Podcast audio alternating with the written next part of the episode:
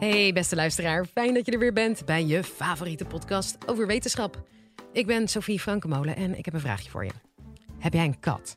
En zo ja, mag je die, als je wil, neongroen maken? Ja, want een fluoriserende kat of een doorgefokte chihuahua... dieren zijn op allerlei manieren aan te passen aan onze wensen. Maar waarom stuiten sommige voorbeelden ons meer tegen de borst dan andere? Ethicus Bernice Bovenkerk van Universiteit Wageningen legt het je uit in dit college.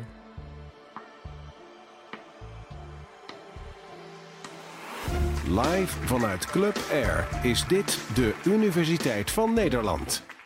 We passen dieren aan op de meest vreemde manieren. Bijvoorbeeld, wetenschappers zijn in staat om een fluoriserende kat te maken. Dat is handig voor de wetenschap en het dier heeft er geen last van. Maar ik ben toch wel benieuwd wat jullie daar nou van vinden. Zijn er hier mensen die zeggen van nee, dat kan echt niet? Toch eigenlijk wel de meerderheid. Laat ik een ander voorbeeld noemen.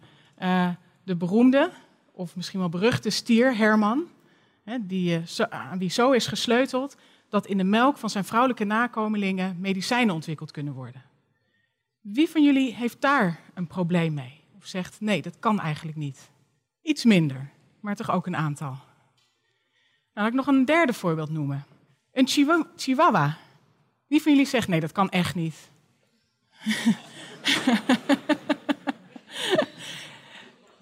toch ook een aantal mensen. En toch denk ik, ja, het is misschien een rare vraag. Want wie denkt nou een chihuahua, waarom zou dat niet kunnen? Maar als je erbij stilstaat, dan uh, kan je bedenken dat die chihuahua zo is doorgefokt... dat hij eigenlijk in niets meer lijkt op zijn oorspronkelijke voorouder, namelijk de wolf. En de blauwdruk was wolf. En nu hebben we er een chihuahua van gemaakt. Dus we veranderen dieren op uiteenlopende manieren. En waarom denken we nou bij het een dit is verkeerd? Hebben we twijfel bij het ander? En vinden we iets anders misschien heel erg normaal? Of hebben we er geen probleem mee?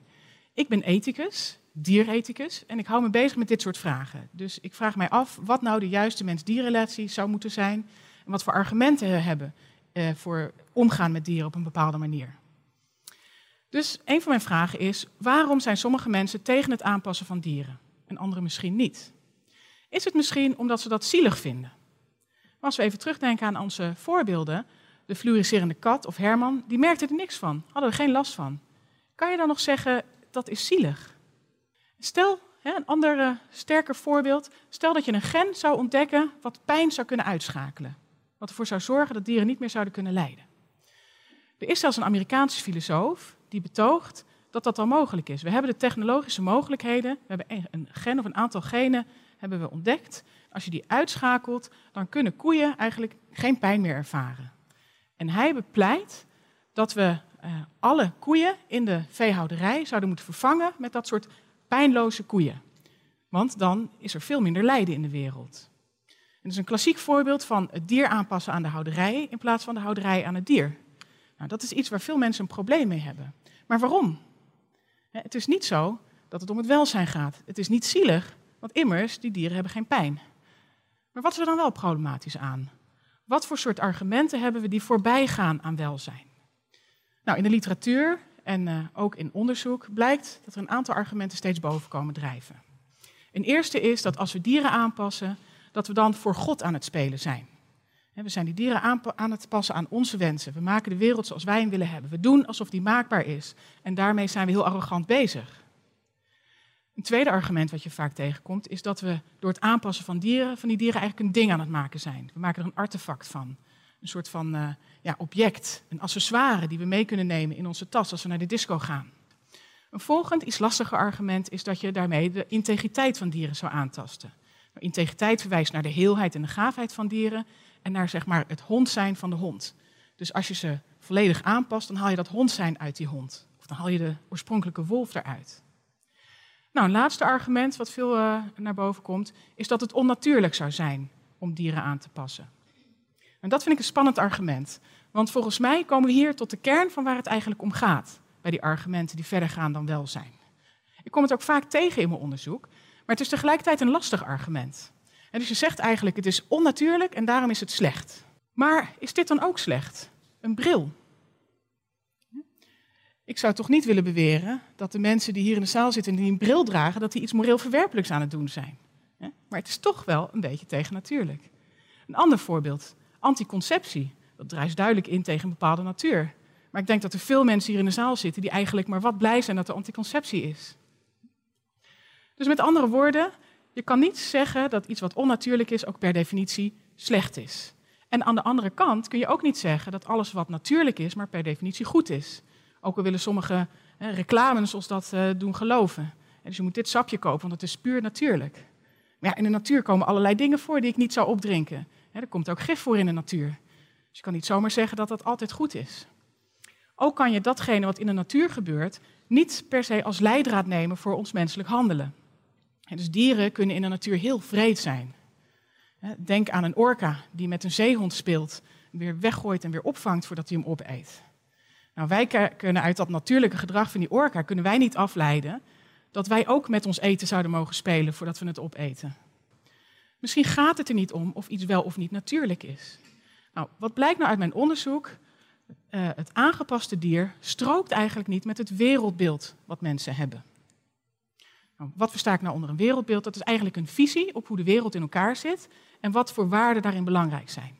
En daarmee is het ook direct een visie op de natuur. dus uh, sommige mensen zien de natuur als iets fragiels, iets wat wij aan het verpesten zijn, wat we moeten beschermen. Andere mensen zien de natuur eerder als iets wat robuust is en wat toch altijd wel zal overleven en een nieuw evenwicht zal bereiken. Uh, sommige mensen zien gedrag in de natuur als goedaardig, anderen zien het als kwaadaardig. Hè. Denk aan die orka. En uh, dat soort visies op de natuur beïnvloeden je wereldbeeld en beïnvloeden ook hoe je zal kijken naar het ingrijpen bij dieren. Laten we nog even een voorbeeld noemen. Het kloneren van koeien. dus dat is technisch al mogelijk. Er zijn al een aantal koeien gekloneerd. En dat zou je natuurlijk makkelijk kunnen inzetten in de veehouderij, bijvoorbeeld de melkveehouderij. Als je nou die ene koe die zoveel melk produceert, steeds zou kunnen kloneren, dan optimaliseer je gewoon helemaal je melkproductie. Heb je ook minder dieren nodig. Wie van jullie zegt nou, oh, dat is wel een goed idee.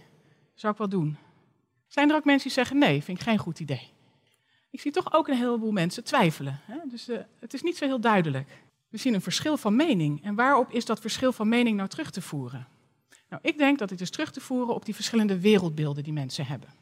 Hè, bijvoorbeeld, iemand die vindt dat de, hè, de natuur het het best weet, die zal meer moeite hebben met ingrepen bij dieren dan iemand die denkt van nou de natuur is meer een soort blanco canvas waar wij op kunnen schrijven en doen mee wat we willen. die zal er minder moeite mee hebben.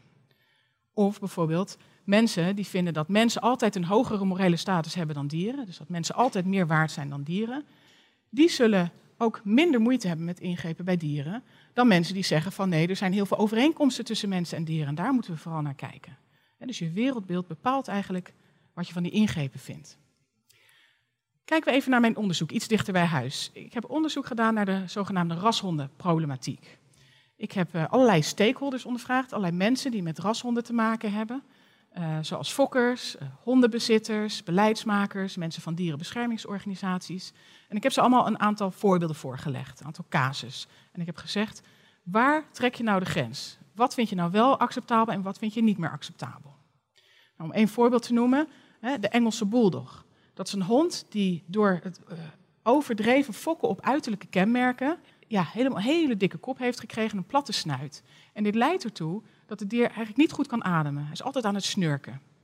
Het leidt er ook toe dat hij hartproblemen heeft. Dat hij bij wijze van spreken uh, niet meer dan een kilometer kan lopen zonder dat hij erbij neervalt. Het heeft er ook toe geleid dat door die brede kop die hond vaak geen natuurlijke bevallingen meer kan doen. Er moeten heel veel keizersneden aan te pas komen. Een andere casus die we hebben gebruikt is een fictieve casus die niet echt bestaat. Nou, dat is uh, een casus die veel voorkomt in de, in de literatuur. De casus van de zogenaamde wegwerppuppy. Nou, u kent deze situatie vast wel.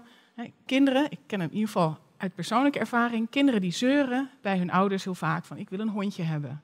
Die ouders denken, ja, het is goed met jou. Over één of twee jaar, dan uh, ben ik degene die, die die hond drie keer per dag uit moet laten. En dan zorg je er niet meer, niet meer voor. Dus wat nou als we een hond zouden kunnen creëren die na twee jaar eigenlijk spontaan doodgaat? die een natuurlijke dood sterft. Het is een fictieve casus. En hij is filosofisch heel interessant. Want we stellen nu even dat die hond er geen last van heeft. Hij, heeft ja, hij leeft maar twee jaar, maar hij heeft niet door wat hij mist. Het is eigenlijk een soort uh, hamsterhond, zou ik maar zeggen. Dus uh, een, een ander ding wat je eigenlijk moet weten aan die casus, en wat het voor filosofen interessant maakt, is dat als we er niet voor zouden kiezen om die hond te creëren, dan zou die helemaal niet bestaan hebben. Die hond bestaat bij de gratie van het feit dat die mensen een hond willen die maar twee jaar leeft. Anders hadden ze helemaal geen hond genomen. Dus die hond, stel dat hij zou kunnen praten, zou niet tegen ons kunnen zeggen: Je had mij niet mogen creëren zodat ik maar twee jaar zou leven. Nee, want dan had hij helemaal niet bestaan. En je kunt eigenlijk uh, niet een situatie van een hond die nu bestaat vergelijken met de situatie van diezelfde hond als die niet had bestaan. dat is een filosofische paradox. We hebben deze casus voorgelegd aan mensen en uh, ze hadden allemaal heel veel moeite mee. Ze vonden het verwerpelijk. Maar als je dan doorvraagt naar waarom, en begonnen ze eerst van ja, het is niet goed voor het welzijn. Maar dat was nou het hele punt. Het maakte niet uit voor het welzijn van het dier. Nou, uiteindelijk bleek het dus te maken te hebben met het wereldbeeld wat mensen hadden. Het ging erom dat ze vonden dat dat niet natuurlijk was. Het was geen goede manier om met honden om te gaan. Dat zei iets over de mens-hondrelatie, of de mens-dierrelatie. Wij moeten onszelf niet in de schoenen van God plaatsen, bij wijze van spreken. Nou, uit ons onderzoek kwamen verschillende beweegredenen naar voren. En uh, heel veel daarvan hadden te maken met dat onnatuurlijkheidsargument. Dus ik zal een aantal citaten uh, noemen. Uh, Eén iemand zei, een goede hond is een natuurlijke hond. En genetische modificatie staat er haaks op, want dan haal je het hond zijn weg uit die hond. Iemand anders zei, ja, de natuur die is zo mooi en inventief en ingenieus. Wie zijn wij om daar een beetje in te gaan peuren als mensen? Dat is niet onze rol. Maar wat valt er nou op aan deze citaten? Ten eerste valt op dat natuurlijkheid niet één op één wordt vertaald naar goed en onnatuurlijk naar slecht.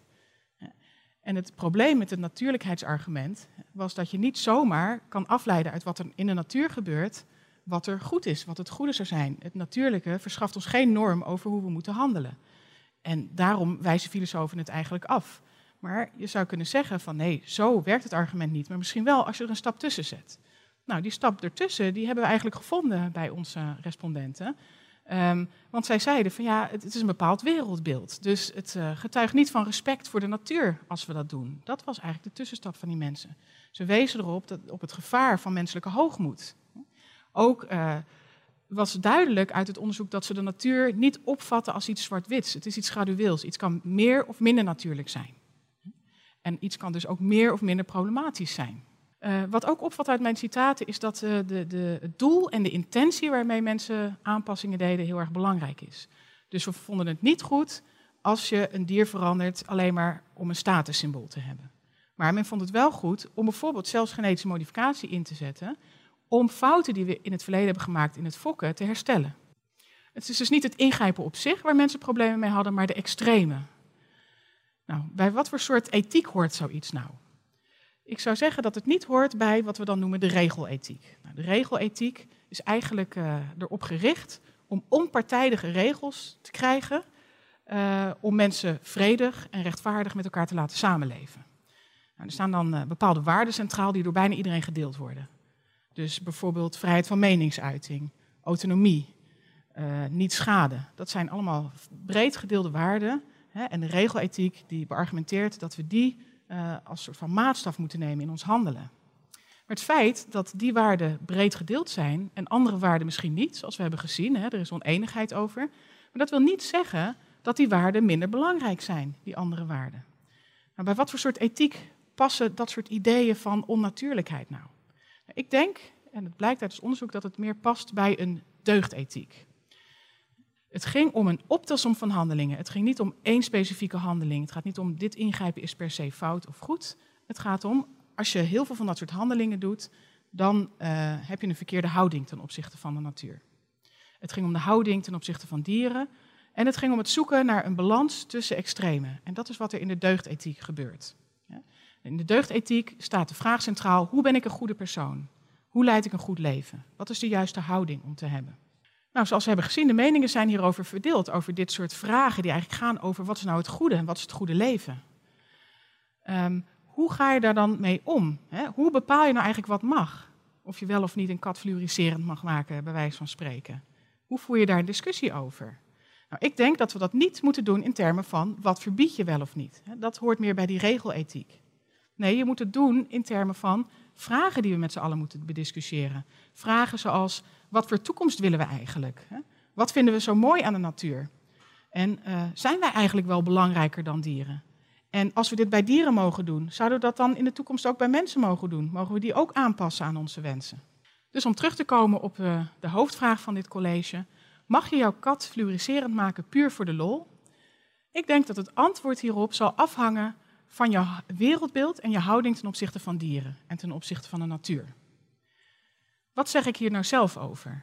Ik zeg nee, in zo'n toekomstige wereld zou ik niet willen leven. Een wereld waarin we maar willekeurig katten fluoriserend maken en honden maken die niet meer natuurlijk uh, ter wereld kunnen komen. Ik denk dat we eigenlijk uh, ja, moeten kijken naar wat is er mooi in de natuur. En op een moment hè, dat we uh, bepaalde dingen mooi vinden in de natuur, dan dat heeft heel vaak te maken uh, met het, de onbestemdheid van de natuur, met de oncontroleerbaarheid. En op het moment dat we alles gaan controleren, dan is dat mooie element uit de natuur weg. En daarom denk ik dat we eigenlijk een bescheiden houding ten opzichte van de, van de natuur moeten aannemen. Een bescheiden houding ten opzichte van dieren en dus wellicht wat terughoudend moeten zijn met ingrepen bij dieren. Dat was Bernice Bovenkerk. Ik hoop dat je het een leerzaam college vond. En als dat nou zo was, abonneer je dan even op ons kanaal, want er komen elke week twee nieuwe afleveringen online. De volgende keer gaat het over de eerste terrorist op Nederlandse bodem. Tot de volgende!